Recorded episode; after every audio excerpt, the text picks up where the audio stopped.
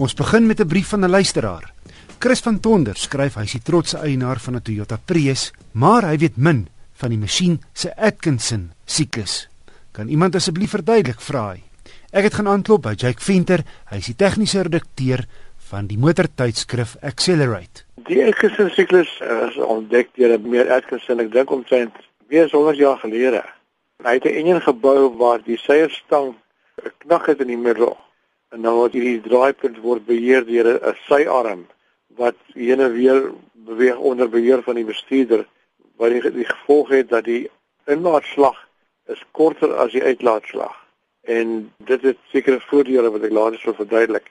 Moderne engines soos byvoorbeeld die Prius en baie van die ander hybride engines uh, het nie 'n snaakse konstruksie nie. Dit lyk soos 'n normale engine, die seierstang is een stuk, maar hulle gebruik 'n verandering van kleptyd deur te sorg dat die effektiewe kompressieslag wanneer sy opgaan in die lug saampers korter as as die effektiewe uitsitslag wanneer die die ontbranding klaar gebeur het en die hoë druk druk die seier afwaarts. En dit word verkry deur byvoorbeeld die inlaatklep so lank soos 110 grade na onderste dooipunt oop te hou. Sodat aan die ander woorde die seier is besig om op te gaan, die kompressieslag maar die inlaatklep is nog oop en dit stoor die mengsel terug in die verdeler in. Dit het natuurlik die nadeel dat een gaan krag verloor, maar die voordeel dat daar's min energie nodig om die aan die mengsel saam te pers. Want dit word saampersing gebeur net vir 'n klein gedeelte van die van die slag.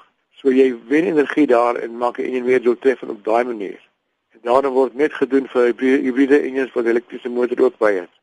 Jake, nou gepraat van vreemde of interessante engines, die rotary engine hoor mense nie meer van die destyds het Mazda hom hier nie. Ek dink die RX2 gebruik. Uh, ja. en toe ook later in 'n sportmotor, maar dit is 'n masjien wat swaar is op brandstof, nee, ek weet dit was een van sy nadele.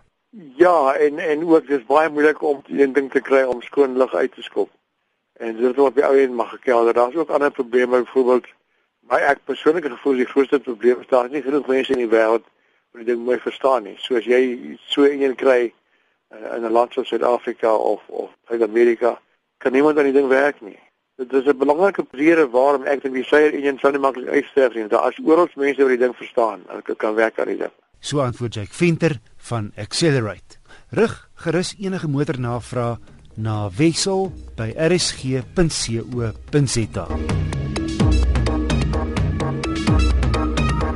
Die jongste Serato luikerig is 'n toonbeeld van Kia se nuwe ontwerpersfilosofie.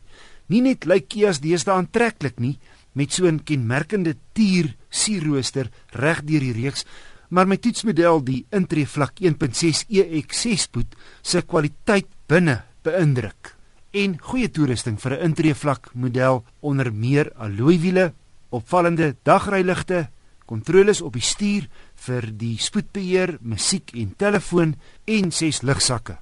Wel een eienaardigheid. Soms as jy nou by 'n stopstraat stop en hom in eerste wil gooi, weier hy eenvoudig. En die eerste keer toe dit met my gebeur, het ek my boeglam geskrik want wat doen 'n ou nou as jou kar nie in eerste wil gaan nie? Van toe af sit ek hom eers vinnig in tweede en dan in eerste.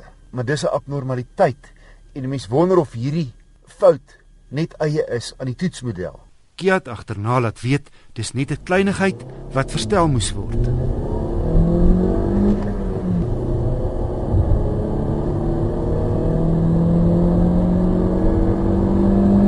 Lae raasvlakke dra by tot die premium gevoel, maar ek hou nie van die redelike lewelose stuurgevoel nie. 120 op die spoedmeter is so rustige 3060.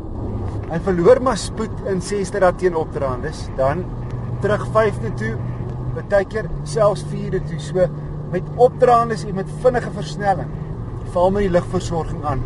Moet jy maar roei met die ratte wanneer jy hastig is. Hy het nie die wrinkrag van die 2 liter model nie. sien die nuwe Cerato is groter as sy voorganger en dis ook lywiger. Terloops uit die grootste bagasiebak in die C luikerig segment. So, hoewel 95 kW nogal fris klink vir 'n 1.6, moet jy veral hier op die hoofveld nie vuurwerke verwag nie, maar wel voldoende vir punt A na B. Ek het 'n baie goeie 6,6 liter per 100 km op my gemengde roete gemeet. Als en als 'n baie netjiese luikerig. Maar saam met die meer ruimte en mooier voorkoms en beter kwaliteit het Kia's ook minder bekostigbaar geword. R238 000 beteken dat die Cerato 1.6 EX nou meer gedigte teenstanders het as vroeër.